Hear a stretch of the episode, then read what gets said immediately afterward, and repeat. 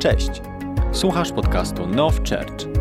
Cieszymy się, że tutaj jesteś i wierzymy, że to słowo przyniesie nowe zwycięstwa do Twojego życia. Cześć, z tej strony Jakub Kamiński. Nie wiem, czy wiesz, ale przed nami niesamowite wydarzenie, na które czekamy cały rok. This is our time 2021. To będzie czas obudzenia, pobudzenia, desperacji i ognia. Nie możecie zabraknąć. Wejdź na nasze social media lub na stronę www.nationsonfire.org i dowiedz się więcej. 2-3 października musisz tam być.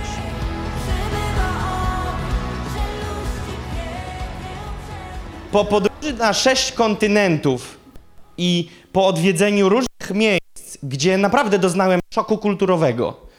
E, szoku kulturowego doznałem na spotkaniach w Afryce, przeszoku kulturowego doznałem w Papui Nowej Gwinei, różnych rzeczy widziałem, e, różnych rzeczy ciekawych doznałem w Azji.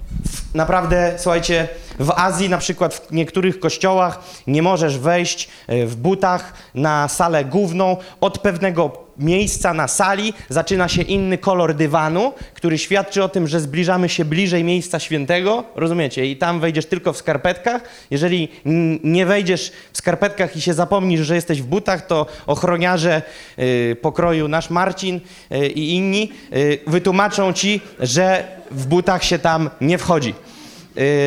Y, ja o tym na przykład nie wiedziałem. I wiecie, jeżdżąc do wielu miejsc, widziałem różne rzeczy, które były dla mnie szokiem, były dla mnie zdziwieniem, były dla mnie niezrozumiałe. Ja naprawdę widziałem przedziwne rzeczy. I nie zapomnę, jak w jednym miejscu pewien człowiek, którego nigdy nie znałem, w pierwszym momencie znajomości, klęka przede mną, ściąga mi buty, skarpety i zaczyna mi myć nogi. Wiecie, różne rzeczy się dzieją w różnych miejscach i, i, i w tym wszystkim trzeba było się odnaleźć. Ale powiem wam, że y, niektóre miejsca i niektóre kraje i niektóre kościoły, ja mówię wszystko w kontekście teraz ludzi wierzących, zaczynają delikatnie skręcać i interpretować słowo, próbując je podporządkować pod swoją kulturę. Powiem wam tak, kultura Królestwa Bożego jest jedna bez względu na jakim kontynencie żyjemy.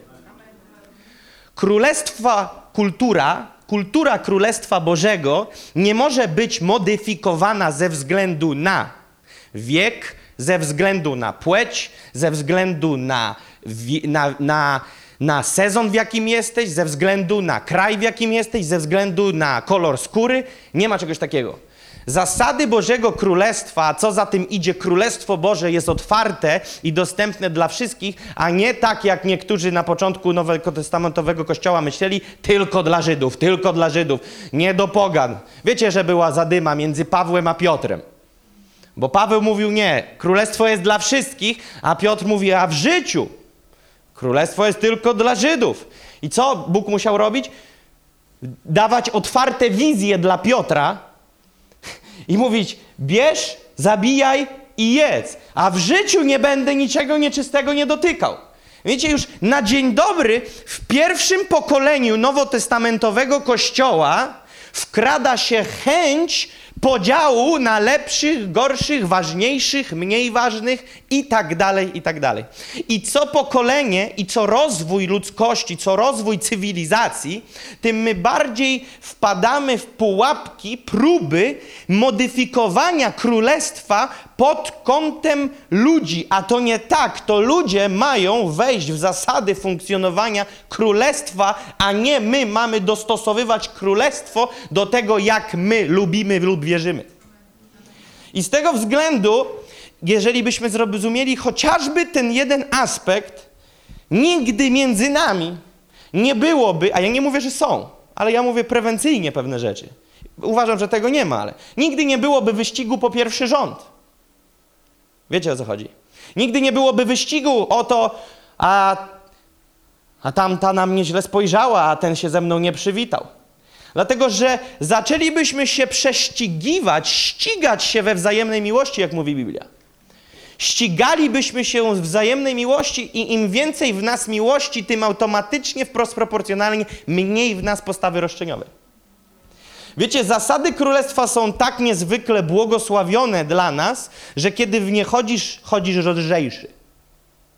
Kiedy funkcjonujesz w zasadach królestwa, chodzisz lżejszy. Królestwa zasada, zasady królestwa sprawiają, kultura królestwa Bożego nigdy ci nie obiecuje, że nie będziesz miał kłopotów, ale ty w życiu chodzisz lżejszy. Chodzisz, chodzisz lżejszy. Nie mówię nigdy, że będziesz miał sytuację, w której przestaną ci złorzeczyć. Ba, jak przestaną, to masz problem. Jak ci nie złorzeczą i nie masz wrogu, to znaczy, że nie jesteś radykalny. Że no, sam Jezus powiedział, jeżeli wam złorzeczą, halleluja. Więc widzicie, ja nie mówię o Ewangelii, która mówi, że będzie lekkie w kontekście bezproblemowe życie, bo dopóki jesteśmy na ziemi, takiego życia nie doświadczymy. Bezproblemowego. Ale można przejść przez to życie zaoranym, zaciurkanym, zaszlachtowanym, albo przepłynąć silnie przez to życie. Przepłynąć odważnie, przepłynąć tak różnie, wzloty, upadki, ale przesz do przodu. Samolot, którym lecisz, tak, wpadnie w turbulencję, tak, raz obniży lot, raz podniesie, raz ciśnienie nie wyrówna w kabinie, w uszach boli, ale dolecimy do tego celu. I teraz, na ile my jako wierzący dostosujemy się do zasad królestwa, na tyle nasze życie będzie lżejsze. Gwarantuję ci to. Gwarantuję ci to. I zasady królestwa są dla nas przystępne. Mam w sensie takim, mówię to, że to nie jest gdzieś tam daleko. Rozumiecie? To nie jest gdzieś w jakiś za, zamroczony sposób przedstawione. Wystarczy jednego elementu i wszystko się zaczyna rozjaśniać. Pokora. Pokora jest niezwykłą lampą, która przyświeca i sprawia, że rzeczy zaczynasz rozumieć. Pokora otwiera furtkę do objawienia, pokora otwiera furtkę do bycia kochanym, bo w końcu ktoś chce z tobą siedzieć. W końcu się da z tobą wysiedzieć. Raptem zaczynasz mieć przyjaciół, raptem zaczynasz widzieć, że ty potrzebujesz przyjaciół, że ty chcesz mieć rodzinę i nie mówię tu o mężu, żonie, tylko mówię o rodzinie jako kościele. Wiecie, znam wielu ludzi, którzy nienawidzą modelu Kościoła. I mówię tu o osobach wierzących. W naszym kraju, chcę, żebyście wiedzieli, jest ogromny, ogromna niechęć i cynizm w stosunku do Kościoła. Pamiętacie, ja nie mówię o Kościele tym czy tamtym, mówię generalnie jak Kościół. Jest ogromna niechęć i jest więcej negatywnych myśli o Kościele wśród ludzi wierzących niż pozytywnych. Dlaczego? Dlatego, że często Kościół jest oceniany przez pryzmat tego, jak ludzie reprezentują Kościół. I aleluja, no bo mamy być pochodnią, mamy świecić, mamy być solą, ale zapominamy, że ten właściwy model w Kościoła jest opisany w Biblii, a my mamy wiecznie żyć w procesie przemiany, aby funkcjonować w zasadach, które są nam dane, ale nie możemy przekreślać Bożych pomysłów ze względu na to, że jacyś ludzie nie do końca we właściwy sposób przestrzegają tych zasad lub świadczą we właściwy sposób swoim życiem, tak jakby chciał Bóg, aby świadczyli. Wiecie, to co się dzieje w Polsce w stosunku ludzi do katolicyzmu, to rzekłbym na własne życzenie. To, jak przywódcy katolicki, co, co wyłazi dziś w kraju, to, co wychodzi na światło dzienne, to, co wypływa na wierzch, ja chcę tylko mówić o owocach. Nie chcę mówić o problemach. Rodzi w ludziach ogromny wstręt do Kościoła i do Boga bo często Boga nie znali, jedyną taką drogą pomostu między ziemią a niebem był Kościół.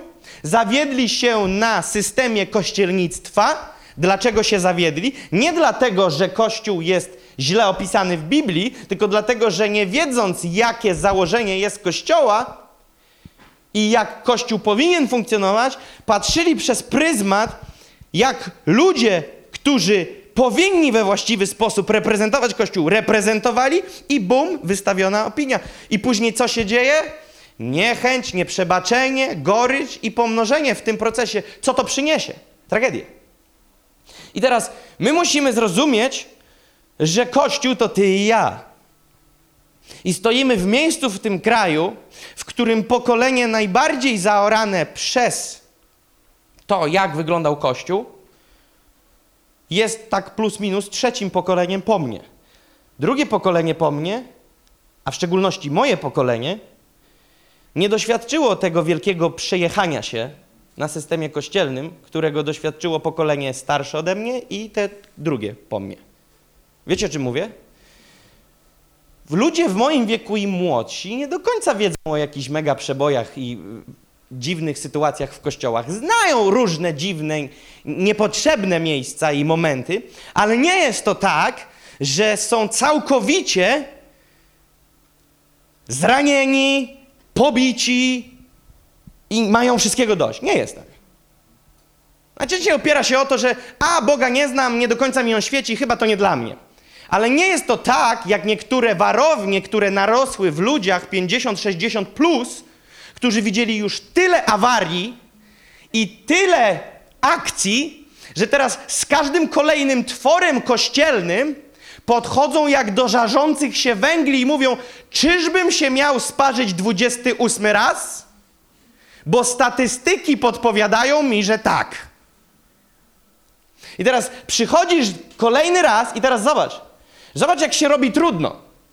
20 razy zraniony, 21 zawiedziony, 22, 3, 4, 5, 6 i teraz 27 ci mówią, będzie dobrze. Kazanie powinno nazywać się kabaret. Nikt dzisiaj praktycznie i robiący któroś okrążenie nie jest w stanie uwierzyć, będzie dobrze. Powiem wam więcej. To, jest, to są moje słowa. Teraz mówię ja jako Jakub Kamiński. Ja i, i tylko ja. Wyjdzie, czy było właściwe, czy nie. Uważam, że ludzie wierzący, nowonarodzeni, którzy są nowonarodzeni więcej niż lat około 30 i byli w więcej niż 10 kościołach i dalej jeszcze podróżują i próbują znaleźć swoje miejsce, wymaga to cudu z nieba, aby mogli się gdzieś zakorzenić. I ja nie mówię tego, aby uderzyć w tych ludzi. Ja mówię o tym, że jednak coś się działo, że mamy sytuację taką, jaką mamy. I teraz co się dzieje? Ludzie powstają i mówią, a po jakiego mi tam znowu wchodzić w bagno, ja sam przemienię już ten kraj. Tym razem ja już to załatwię. I powstaje mnóstwo samozwańczych ruchów dzisiaj w naszym kraju. Ludzi, którzy mówią, nie potrzebuję kościoła, nie potrzebuję przywódca, po co mi hamulcowi? Po co mi są hamulcowi? Po co mi są ludzie, którzy wiecznie będą gasić moją wiarę? Po co mi ludzie, którzy będą trybem gaśnicy w moim życiu? A olać to. Ale powiem ci coś. Skreślając Kościół, nie skreślasz tylko człowieka, skreślasz autora tego modelu. Teraz słuchajcie, co się dzieje. Kościół ma swoją podróż w czasie. Wiecie, że do dzisiaj trwają rozmowy, czy kobieta może głosić, czy nie?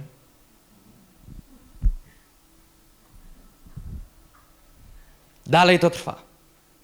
Dalej to trwa. Dalej to trwa. Do dziś trwają różne historie. Niektóre rzeczy, niektóre tematy, niektóre doktrynalne, sporne kwestie w niektórych miejscach na świecie znalazły odpowiedź 100 lat temu, a niektóre przez kolejne 100 nie znajdą. Widzicie, Kościół ma swoją podróż w czasie. Każdy kościół, każdy kraj, każdy region podróżuje w czasie. Ale pamiętajcie, kto jest kościołem? Ludzie, my. My. I teraz, na ile my jesteśmy w stanie zbliżyć się do tej dychy na tarczy, do dziesiątki, do, do centra, do środeczka, do tego, do tego źródełka do tego bycia jak najbliżej prawdy. Wiecie, bo każdy walczy w imię prawdy. Każdy walczy i mówi, a gdzie prawda, czy w tym, czy w tamtym. Ja pojechałem do jednego miasta, miałem sytuację, że e, część z was mogła to słyszeć, głosiłem w sobotę wieczorem w innym mieście, pastor, e, pojechałem swoim samochodem, pastor, który zaprosił mnie na niedzielę do innego miasta, Powiedział mi, jak ja się przyjadę, czy ja przyjadę w sobotę w nocy. Ja mówię, nie, ja już prześpię się w mieście, w którym y, głoszę w sobotę, a w niedzielę wsiądę w samochód i przyjadę z rana prosto pod, pod kościół. Tylko mi wyślij adres. Wysłał mi adres, ja przyjeżdżam, a tam w miejscu, w którym pineska na GPS-ie wyskoczyła i na miejsce, gdzie jesteś u celu, kościół, kościół, kościół. I wiecie, dziesiąta rano, niedziela, i tamci z południa na północ. Wiecie, na jednej ulicy, na rzut kamieniem odległość, trzy kościoły. Ja mówię, ale numer. Jestem tutaj pierwszy raz, nie wiem który. No i sobie idę i nagle ludzie z tłumu mówią, o, Jakub Kamiński. Ja mówię, okej, ten mnie doprowadzi. Ten mnie doprowadzi. Mówię, tak, witam, cześć. A on mówi, będziesz głosił dzisiaj? Ja mówię, tak, tak. I on do mnie mówi coś, coś w tym stylu. A, tu kościół, tu kościół, tam kościół. Trzy mówią co innego i każdy uważa, że ma rację. I weź tu bądź mądry, do którego chodzić. I wiecie, co jest najzabawniejsze? Chłop ma rację. Chłop ma rację. Bo teraz kościół A nadaje na B i mówi, że B nie ma racji, a A ma rację. B mówi natomiast, że A to B, czyli że B, że, B, że A, wiecie, A mówi, B, B niedobrze, ale C jakie chłopie numery są. Żebyś ty wiedział w C, co tam się dzieje. Ja widziałem jeden urywek na YouTubie, człowieku. Tam już tak polecieli, że głowa mała. A A i B na, na C. A C i A na B. Ale jak C wyjdzie ze spotkania za A, to A na C. Wszyscy na wszystkich. I teraz taki człowiek mówi, gdzie ja mam być? I powiem wam, i mądrze gada. Ale zadał mi później pytanie pomocnicze, gdzie ta prawda? Ja mówię, o, robi się ciekawie. Gdzie ta prawda? Ja mówię, brother, a co to jest ta prawda dziś powiedz, bo wszyscy o nią walczą. Co to jest ta prawda, bo, bo, bo wszyscy dziś walczą o prawdę i mam wrażenie, że prawda przestała być kimś, stała się czymś. A przecież prawda to nie coś, a ktoś. Jezus powiedział: Ja jestem prawdą. Na ile zbliżamy się do Jezusa, na ile Jezus jest w centrum i celem Kościoła, na tyle zbliżamy się do centrum. Na ile przychodzimy tu w celu spotkania się z Nim, zaskoczę Was teraz. Na ile szukamy Pana, na tyle nie zaboli mnie czyjś błąd z pulpitu.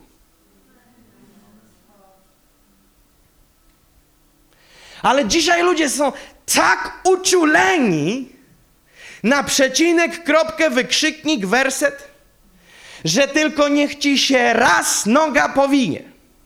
Nie macie. Jesteś skończony. Ja raz pamiętam na sali P1 i e, sieknąłem przehit. Powiedziałem, pierwszy list do Rzymian. Mówię, panie Jakubie, to żeś pan poszedł teraz na grubo. Bo nie trzeba mówić, że jest pierwszy list do Rzymian, bo Rzymian jest tylko jeden. Dobrze, że nie wszedłem z szóstą Mojżeszową. Rozumiecie, nie wynikało to zupełnie z niewiedzy pisma, bo jeżeli nie wiem, że, nie, że jest jedna Rzymian, rozumiecie, to mamy kłopot. To, to, to naprawdę mamy kłopot. Teraz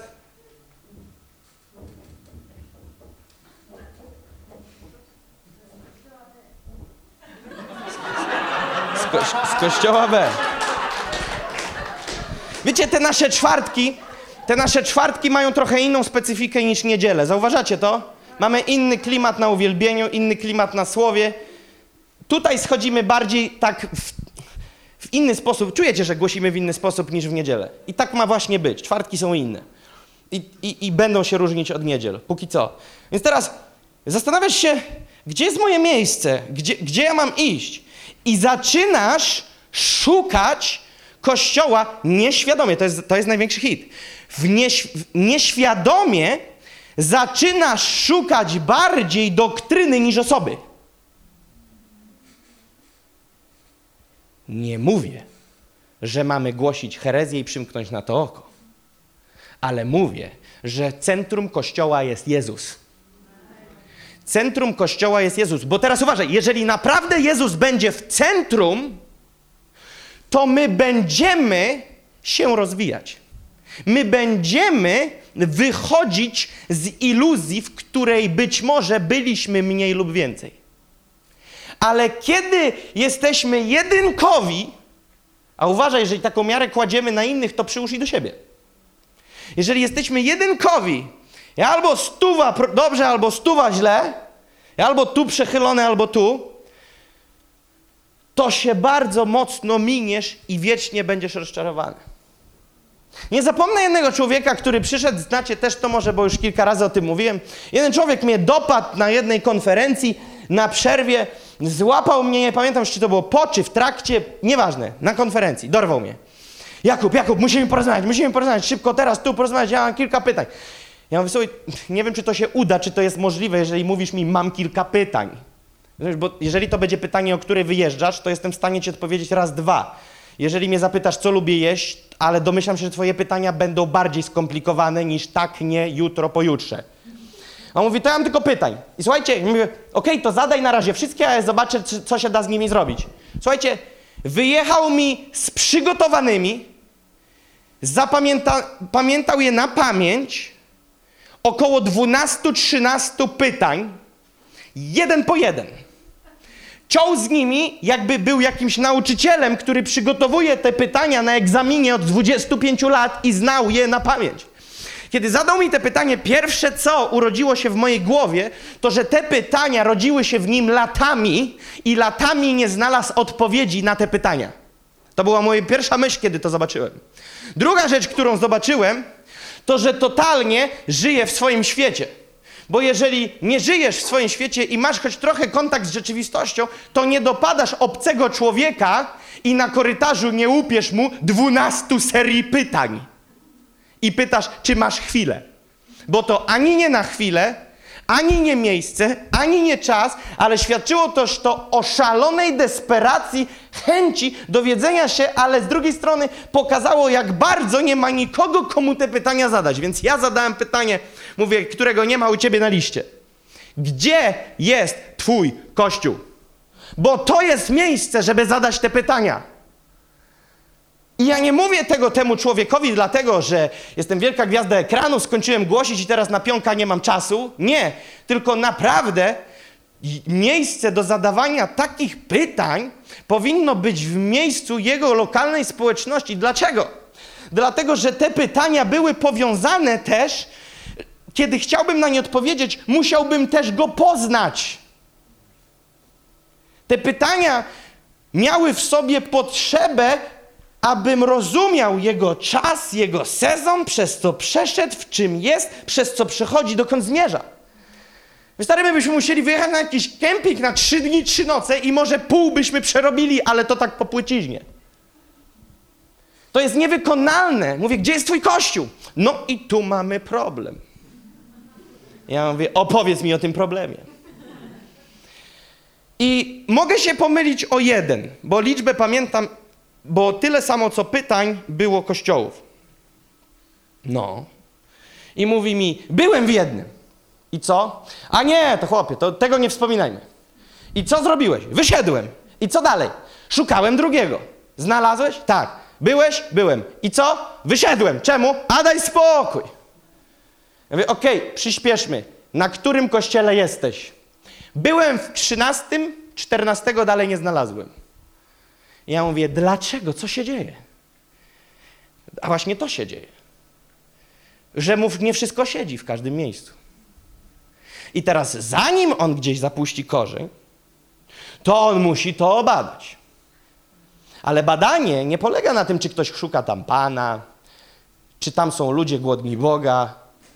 Bada jakimiś swoimi przyrządami do diagnostyki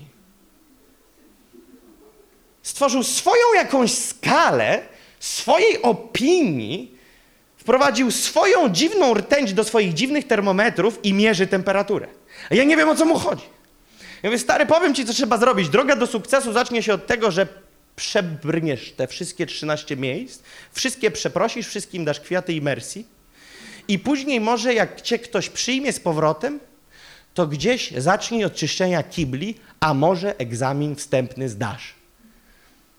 Bo to nie jest tak, za kogo ty się uważasz, że przebrnąłeś 13 wspólnot Jezusa Chrystusa i we wszystkich jest do bani i ty jesteś taki już chodzący apostoł Paweł i ty już wszystko wiesz, wszędzie wszystko widziałeś i wszystko możesz rozliczyć i czternastego dalej nie ma na horyzoncie? Serio?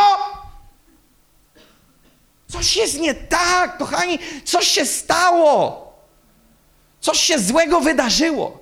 Zrozum, Kościół nie jest idealny w momencie, kiedy do niego wszedłeś.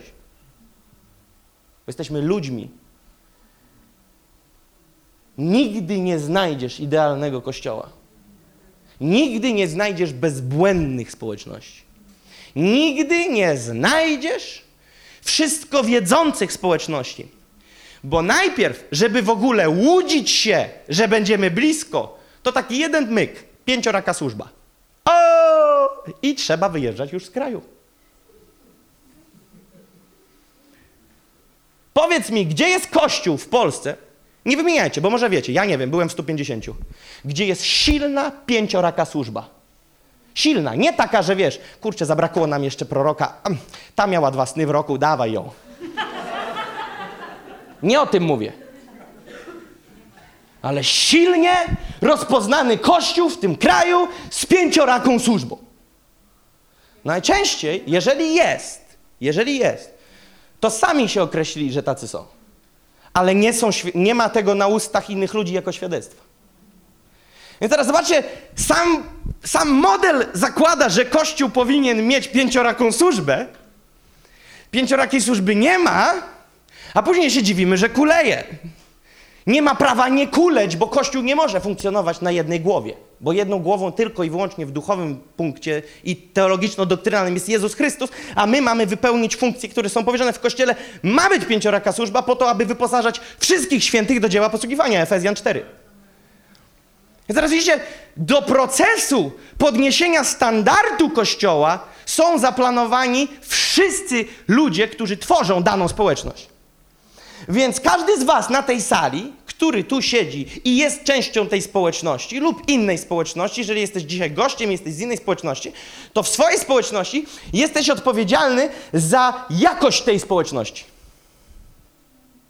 I nie mówię tutaj zupełnie w tej chwili o cielesnej jakości, finansowej jakości, mówię o tu duchowej jakości.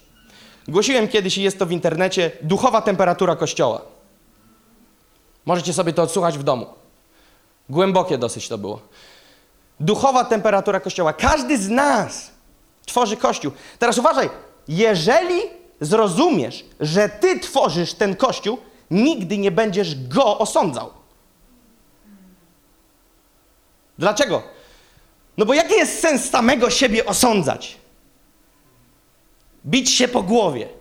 My, kiedy popełniamy błędy w życiu, wyjdźmy na chwilę z myślenia o, o kościele, pomyśl o sobie. Kiedy popełniasz błąd, to nie ma sensu, że ty teraz sobie dasz karę, nie wiem, do kąta się zaprowadzisz, przywiążesz się do grzejnika, jeść sobie nie dasz, weźmiesz kapcia, dasz sobie w pupę. To nie ma sensu. To nic ci nie da.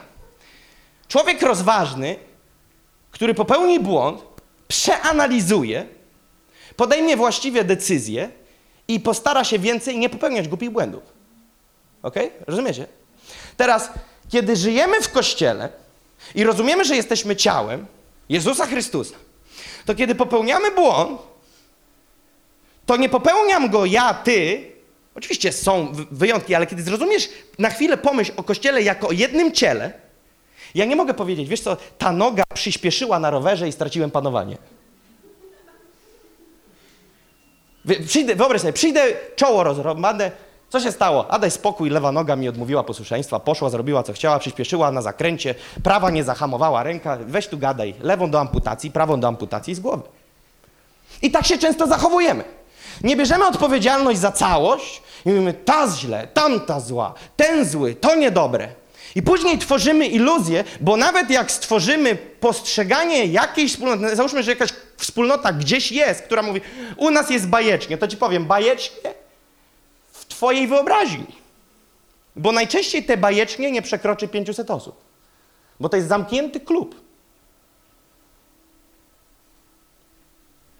w którym się spotka kilkaset maks osób myślących podobnie i powie: Zbijmy sobie żółwika, spotkajmy się w imię tego. Bo łatwo jest stworzyć klub jeżdżących na motorach. Rozumiesz? Zwołysz, kto lubi jeździć na motorach i mamy ludzi, którzy lubią jeździć na motorach, zrobimy klub motorowy. Kto lubi kręcić się na głowie? Okej, okay, mamy trzech lubiących kręcić się na głowie i trzech wyzna, że kręcenie się na głowie jest super. Ty, no ja nie podzielam tego za bardzo, bo się w głowie będzie kręcić i będzie nie okej. Okay. Ale jeżeli ty lubisz, wiecie, i można znaleźć ludzi, którzy wyciągną pewne elementy ze słowa, spotkają się na płaszczyźnie tych trzech, czterech elementów i powiedzą: Jest czad! Jest czad! I najczęściej te odchyły, które dzielą królestwo, które dzielą i przynoszą rozdwojenie w domu Pana, to są najczęściej, wymienię wam, takie rzucając z rękawa, sprawa ewangelizacji. Bo jedni mówią, idziemy! A drudzy mówią, ale poczekaj. Inni powiedzą, nakładamy ręce! Ale poczekaj, bo te twoje ręce to takie różne bywają jeszcze, wiesz o co chodzi. Jeszcze nie wiadomo, co tam z, nie, z nich przejdzie. Przychodzi do mnie jeden człowiek mówi, ja muszę, ja muszę, ja będę się teraz się modlił, nałożę na ciebie ręce. Ja mówię, poczekaj stary, kim ty jesteś? Nie chodzi o to, że jest niższy ode mnie, ale nie znam ciebie, ja nie wiem, co ty włożysz na mnie. W Starym Testamencie temat nałożenia rąk, uuu, gruba sprawa. Mamusia podmieniała dla ślepego tatusia synów, żeby właściwa lewa i właściwa prawa siadła na głowę odpowiednią. A co ojciec zrobił? Bam, krzyżówka. Bo rozumieli, czym jest nałożenie rąk. Chciałem wam powiedzieć, dużo ludzi u nas w kościele poczuwa się, żeby podejść do kogoś i modlić się o siebie nawzajem. Chcę ci powiedzieć, w tym kościele są dedykowane osoby do modlitwy, za które ja biorę odpowiedzialność i powiem, hej, ci ludzie wierzę, że są dyspozycyjni do tego, aby modlić się o innych. Ale o innych nie dam ci ręki uciąć, co tam się pod nimi dzieje. Więc rozumiesz, a możemy powiedzieć, ale nie, jesteśmy kościołem nowotestamentowym, Duch Boży nas prowadzi, zróbmy wszystko, co Duch Święty nam prowadzi. Chcę ci coś powiedzieć. Duch Święty nie wprowadza chaosu. Duch Święty nigdy nie wprowadzał chaosu. Ja nie wierzę, że Duch Święty obala przywództwo. Chcę, żebyście wiedzieli, że ja nie mówię, bo się coś brzydkiego u nas wydarza. I ja się teraz boję, trzęsę, że ktoś mnie zdejmie. Nie, bo dopóki Bóg mnie nie zdejmie, nikt mnie nie zdejmie, przepraszam. Rozumiecie? Więc ja nie mówię tego, że ktoś coś mi coś zrobił, bo nikt mi nic nie zrobił. Tylko ja mówię, że tak jak powiedziałam kilkanaście minut temu, prewencyjnie pewne rzeczy. Że kiedy funkcjonujesz w miejscu, tak naprawdę wszystko się spina. Jak bardzo kochasz Jezusa. I niektórzy tak bardzo kochają Jezusa, że tak dużo o nim poczytali, że zapomnieli się z nim zapoznać. I później widzisz, że on dużo wie, ale zero z własnego doświadczenia. I opowiada mu, jak to w wersecie takim i takim Jezus zrobił to i to. Ja mówię, ty, a w którym dniu tygodnia zrobił coś w twoim życiu? Bo wersety to stary znasz. Ale powiedz mi, co zrobił on w twoim życiu? Co on zrobił w twoim życiu? Opowiedz mi jakieś żywe świadectwo. Co on powiedział do ciebie wczoraj? Co powiedział do ciebie przedwczoraj? Co on zrobił w Twoim życiu? Co on zrobił w Twoim małżeństwie? Co on zrobił w Twoim charakterze? A to! No właśnie, już wiem, że nic. Już wiem, że nic. Niedotknięty charakterek. I teraz im bardziej schowany, im więcej w cieniu, tym więcej tej iluzji, tym więcej tej fikcyjnej rzeczywistości. Śmiesznie brzmi fikcyjnej rzeczywistości. No ale tak to jest, bo ludzie myślą, że to jest rzeczywistość, a tak naprawdę to jest fikcja. I teraz Kościół dlatego jest niezwykły, że jeżeli przyjdziesz do Kościoła w takiej postawie, jak, Koś jak, jak Biblia nas zachęca, to naprawdę jest o wiele trudniej się zgubić. Pomyśl o postawach. Dwóch, dwie postawy. Jedna, wchodzi człowiek. Ciekawe, co w tym ode mnie chcą. O, już widzę światełka, mm, dużo czerwieni. No, no, no, czerwony to lawa. Okej. Okay. Zespół na czarno. Mm -hmm. I o pieniążkach pewnie będzie. A jeszcze nie daj Boże będzie termin. O, jest termina, człowieku. Gdzie ja trafiłem? Gdzie ja trafiłem? Uff. Dobra, dobra, ale do trzech razy sztuka. Już dwa błędy. Zobaczymy, czy jeszcze coś wyna, wy, wy, wy, wy, wy, wynarabiają. Obcisłe rajstopki na scenie. No i mamy trzy na trzy. Do widzenia. I teraz to jest taka postawa, ok? Teraz tak. Czy dobrze jest przeginać o pieniądzach? Nie.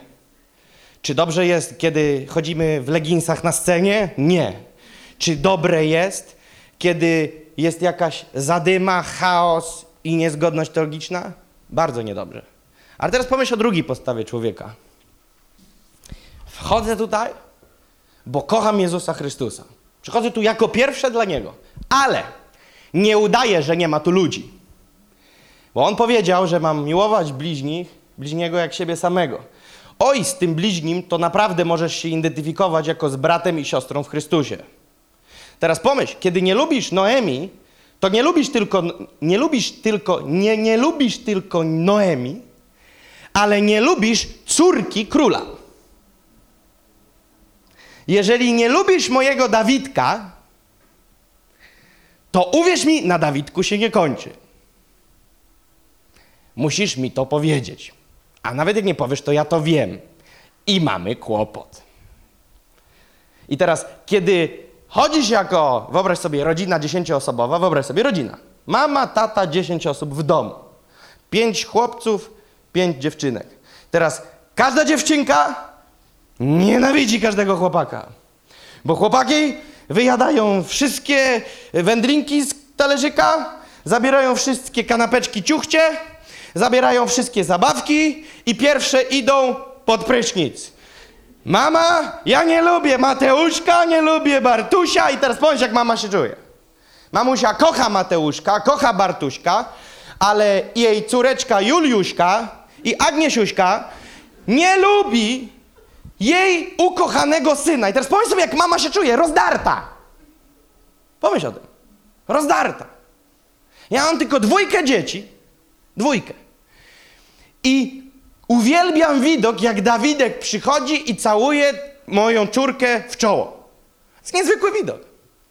Ale kiedy widzę obraz, kiedy moja córka nieświadomie łapie Dawida za włosy, rwie mu te włosy, a on bije ją ręką i mówi nie, to ja mówię, Dawidek, ona nic nie rozumie. Ona nie chciała cię zabić. Ona po prostu tego nie rozumie.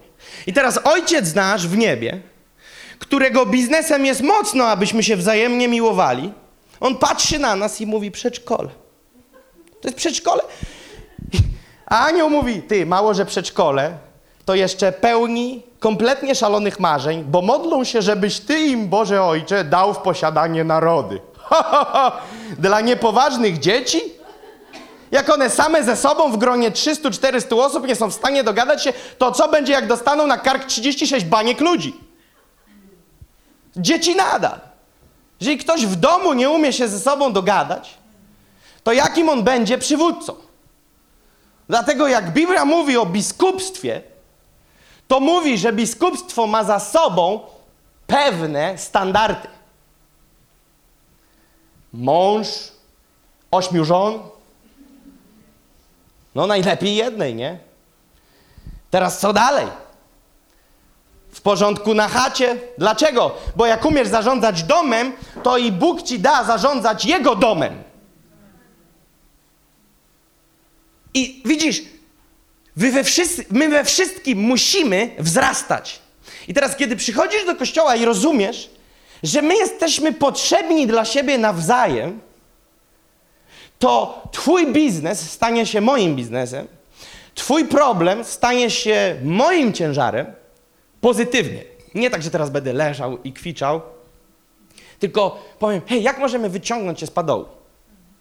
Jak możemy razem spróbować wyjść z tego, gdzie się władowaliście? Jak możemy sobie pomóc? Ale kiedy będziemy nas pełna postawa oczerniania, pokazywania palcami, słuchaj, nigdy nie wiesz, co ten drugi przechodzi. Nigdy. Nawet jak ci on powie, to nie masz pewności, że powiedział wszystko. Nie wiesz, co drugi człowiek przechodzi. Zupełnie nie wiesz. Kto z was wie, co ja przechodzę przez ostatnie trzy dni? Mało z was. Dlaczego? Bo nie ze wszystkim z wami rozmawiam. Kto z was wie, z czym się zmagam? Mało kto z was. Dlaczego? Bo nie ze wszystkimi z wami rozmawiam. Ale teraz, kto wie o tobie, z czym się zmagasz i co niesiesz? Jeżeli zostaniesz sam, jest początek twojego końca. Bo nie jest dobrze człowiekowi, gdy jest sam. Mam Jezusa Chrystusa. Tak, o tym już mówiłem ostatnio, tydzień, dwa temu. Że Bóg powiedział w Edenie, kiedy relacja była nienaruszona między człowiekiem a Bogiem, Bóg powiedział, niedobrze jest, kiedy człowiek jest sam. A miał jeszcze relację nienaruszoną między nim a człowiekiem, jeszcze zanim człowiek zgrzeszył. Jeszcze zanim człowiek zgrzeszył. Widzicie, te miejsce na właściwe połączenie.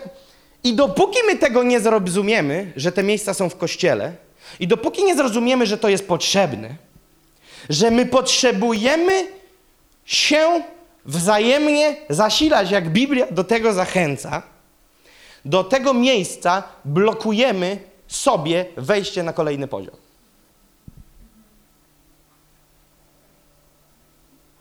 Pomyślcie o tym.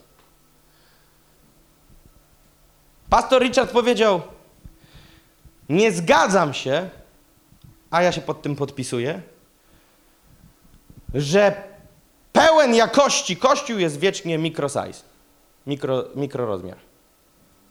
Słuchaj, jakość przyniesie ilość. Jakość przyciąga. Jakość przyciąga. Teraz my nie mamy budować królestwa na atrakcję, tylko my mamy, mamy świecić, my mamy być solą. My mamy być odbiciem Jezusa Chrystusa. My mamy być Jego świadectwem, my mamy być Jego naśladowcami, my mamy być świadectwem dla Królestwa. Kiedy Ty przychodzisz, to masz być świadectwem. Masz być świadectwem. A Jezus, pierwsza cecha, która jest mocno na wierzchu, kiedy patrzę na życie Jezusa, przyszedł, aby służyć, a nie aby mu służono. I nawet to powiedział. Ja nie przyszedłem, żeby mi służono, ja przyszedłem służyć. Widzisz, on nie przyszedł z postawą roszczeniową, bo nigdy nie miał do nikogo wyrzutów. No nigdy nie miał.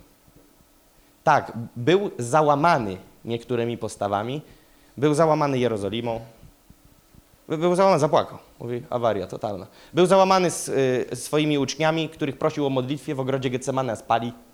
Przyszedł drugi raz i mówi, hej, spali dalej. Odpuścił sobie już, porodolę, drugi raz już, okej. Okay. Już nie ma co.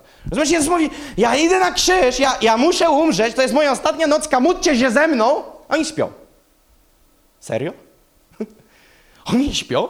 No dobra, może się im wydarzyło. To teraz co zrobił Jezus? Przyszedł i ich obudził, ale oni dalej poszli spać. Więc Jezus miał mnóstwo powodów. Tak naprawdę, to powiem Ci coś najlepszego, hita. Jak prześledzisz życie Jezusa, to On przeszedł przez wszystko, przez co każdy z nas przeszedł i przejdzie.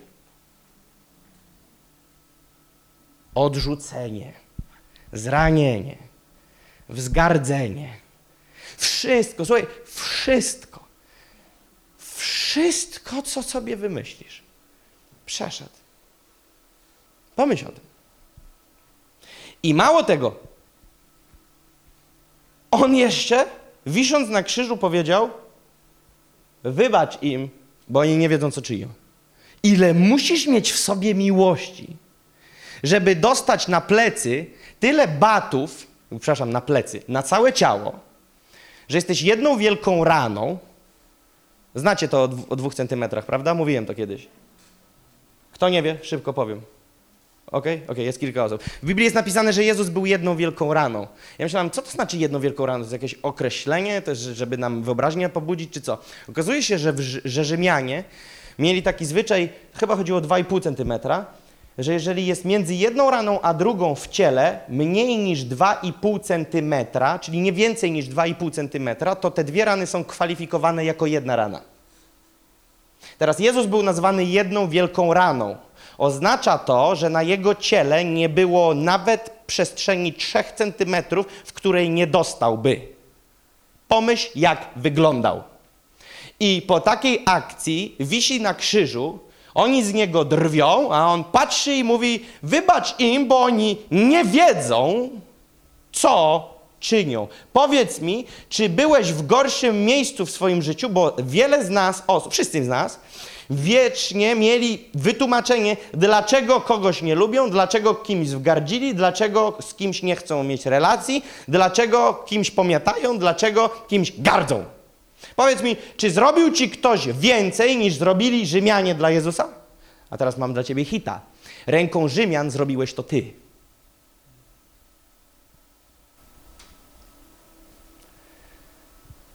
I on w tym wszystkim powiedział: Naśladuj mnie.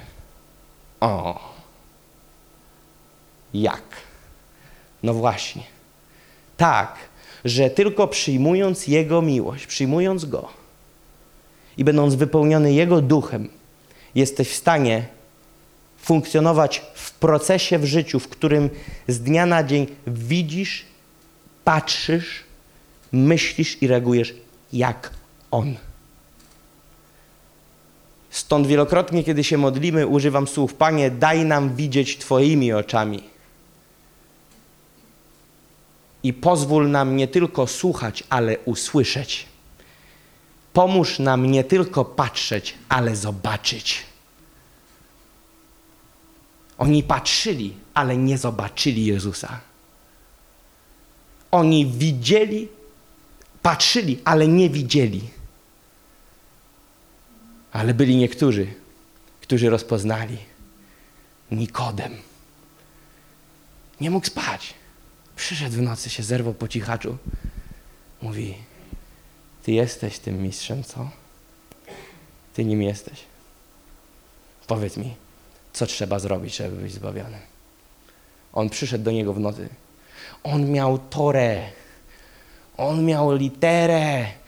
On miał nauczania, on sam nauczał, ale jego oczy się otworzyły i zobaczył kogoś więcej. Przyszedł i zobaczył, mówi: To, że Nikodem przyszedł do Jezusa, który był nazywany przez innych rabbi, nauczyciel, świadczyło, że zobaczył Jezusa, kim naprawdę był.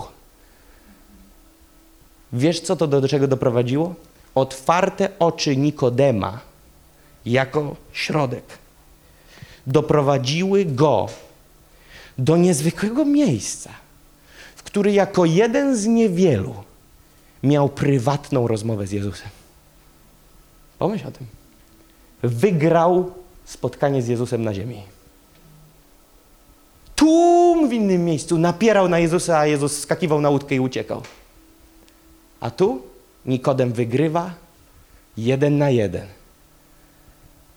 I słyszy samego, od samego Mesjasza, z jego ust czystą Ewangelię. O jacie. Od autora słucha Ewangelii. Jak bardzo wszedł w niezwykłe miejsce. Dlaczego? Bo jego oczy przejrzały. Co zrobić, żeby twoje oczy przejrzały? Musisz zrozumieć, Nikt z nas nie jest idealny i nie będzie.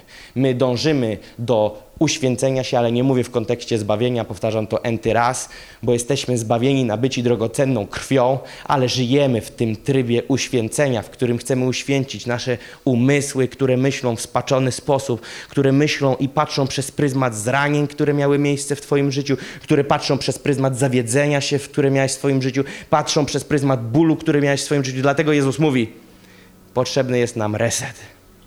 Potrzebny nam jest reset. I tylko przychodząc do Niego, tylko przychodząc i spotykając się z Nim, tylko kiedy On jest celem w Twoim życiu, zaczynasz żyć w miejscu, w którym Jego oczy mają wpływ na Twój wzrok i zaczynasz widzieć jak On. Jego myślenie, Paweł o tym wiedział i pisał 12.2, przemieńcie umysły. Wtedy zaczynasz myśleć jak On. Wtedy czytasz w Koryntian o duchu, który daje zdolność do zarządzania i wtedy w kościele myślisz, hej, jak zarządzać tak, aby było nas więcej, a nie mniej? Jak zrobić tak, abyśmy byli jedno, a nie abyśmy się podzielili? Jak zrobić tak, aby stworzyć tutaj miejsce Królestwa Bożego, a nie klubu? Mówisz Jezu? On mówi tak, mój duch ma zaplanowane, aby ci to objawić. I wtedy żyjesz w innej perspektywie. I wtedy chodzisz i mówisz, Panie, tak, widzę ten błąd, ale Twoja krew przykrywa to, widzę bardziej Twoją miłość do tego człowieka niż tą awarię, pomóż mi kochać. I wtedy miłość ma konstruktywną krytykę, miłość umie wejść w miarę ofensywnie, kiedy trzeba, miłość nie tylko głaszcze, miłość jest wyważona, miłość umie karcić i napominać. I wtedy, jeżeli zrozumiemy ten pułap, o którym ja teraz mówię, oj, się pozmienia. Wtedy, jak zobaczysz tych wszystkich ludzi, których są dzisiaj na sali, powiesz, to chyba familia. Ale numer. Wiecznie patrzyłem, ta laska jakaś dziwna, ten chłop jakiś pokręcony, ten jak zwykle będzie krzyczał, ten jak zwykle będzie się darł, ten jak zwykle będzie chodził szeroko, tak jak zwykle mnie uderzy na uwielbieniu, ten jak zwykle zafałszuje na C. Ale nagle mówisz, czekaj, czekaj, czekaj, przecież ja nie jestem w kinie. Przecież ja nie przyszedłem na koncert. Przecież ja nie przyszedłem oglądać. Ja tworzę to miejsce. Dziękujemy, że byłeś z nami. Jeśli chcesz dowiedzieć się więcej o naszych działaniach lub nas wesprzeć, zapraszamy Cię na www.nationsonfire.org ukośnik nowchurch.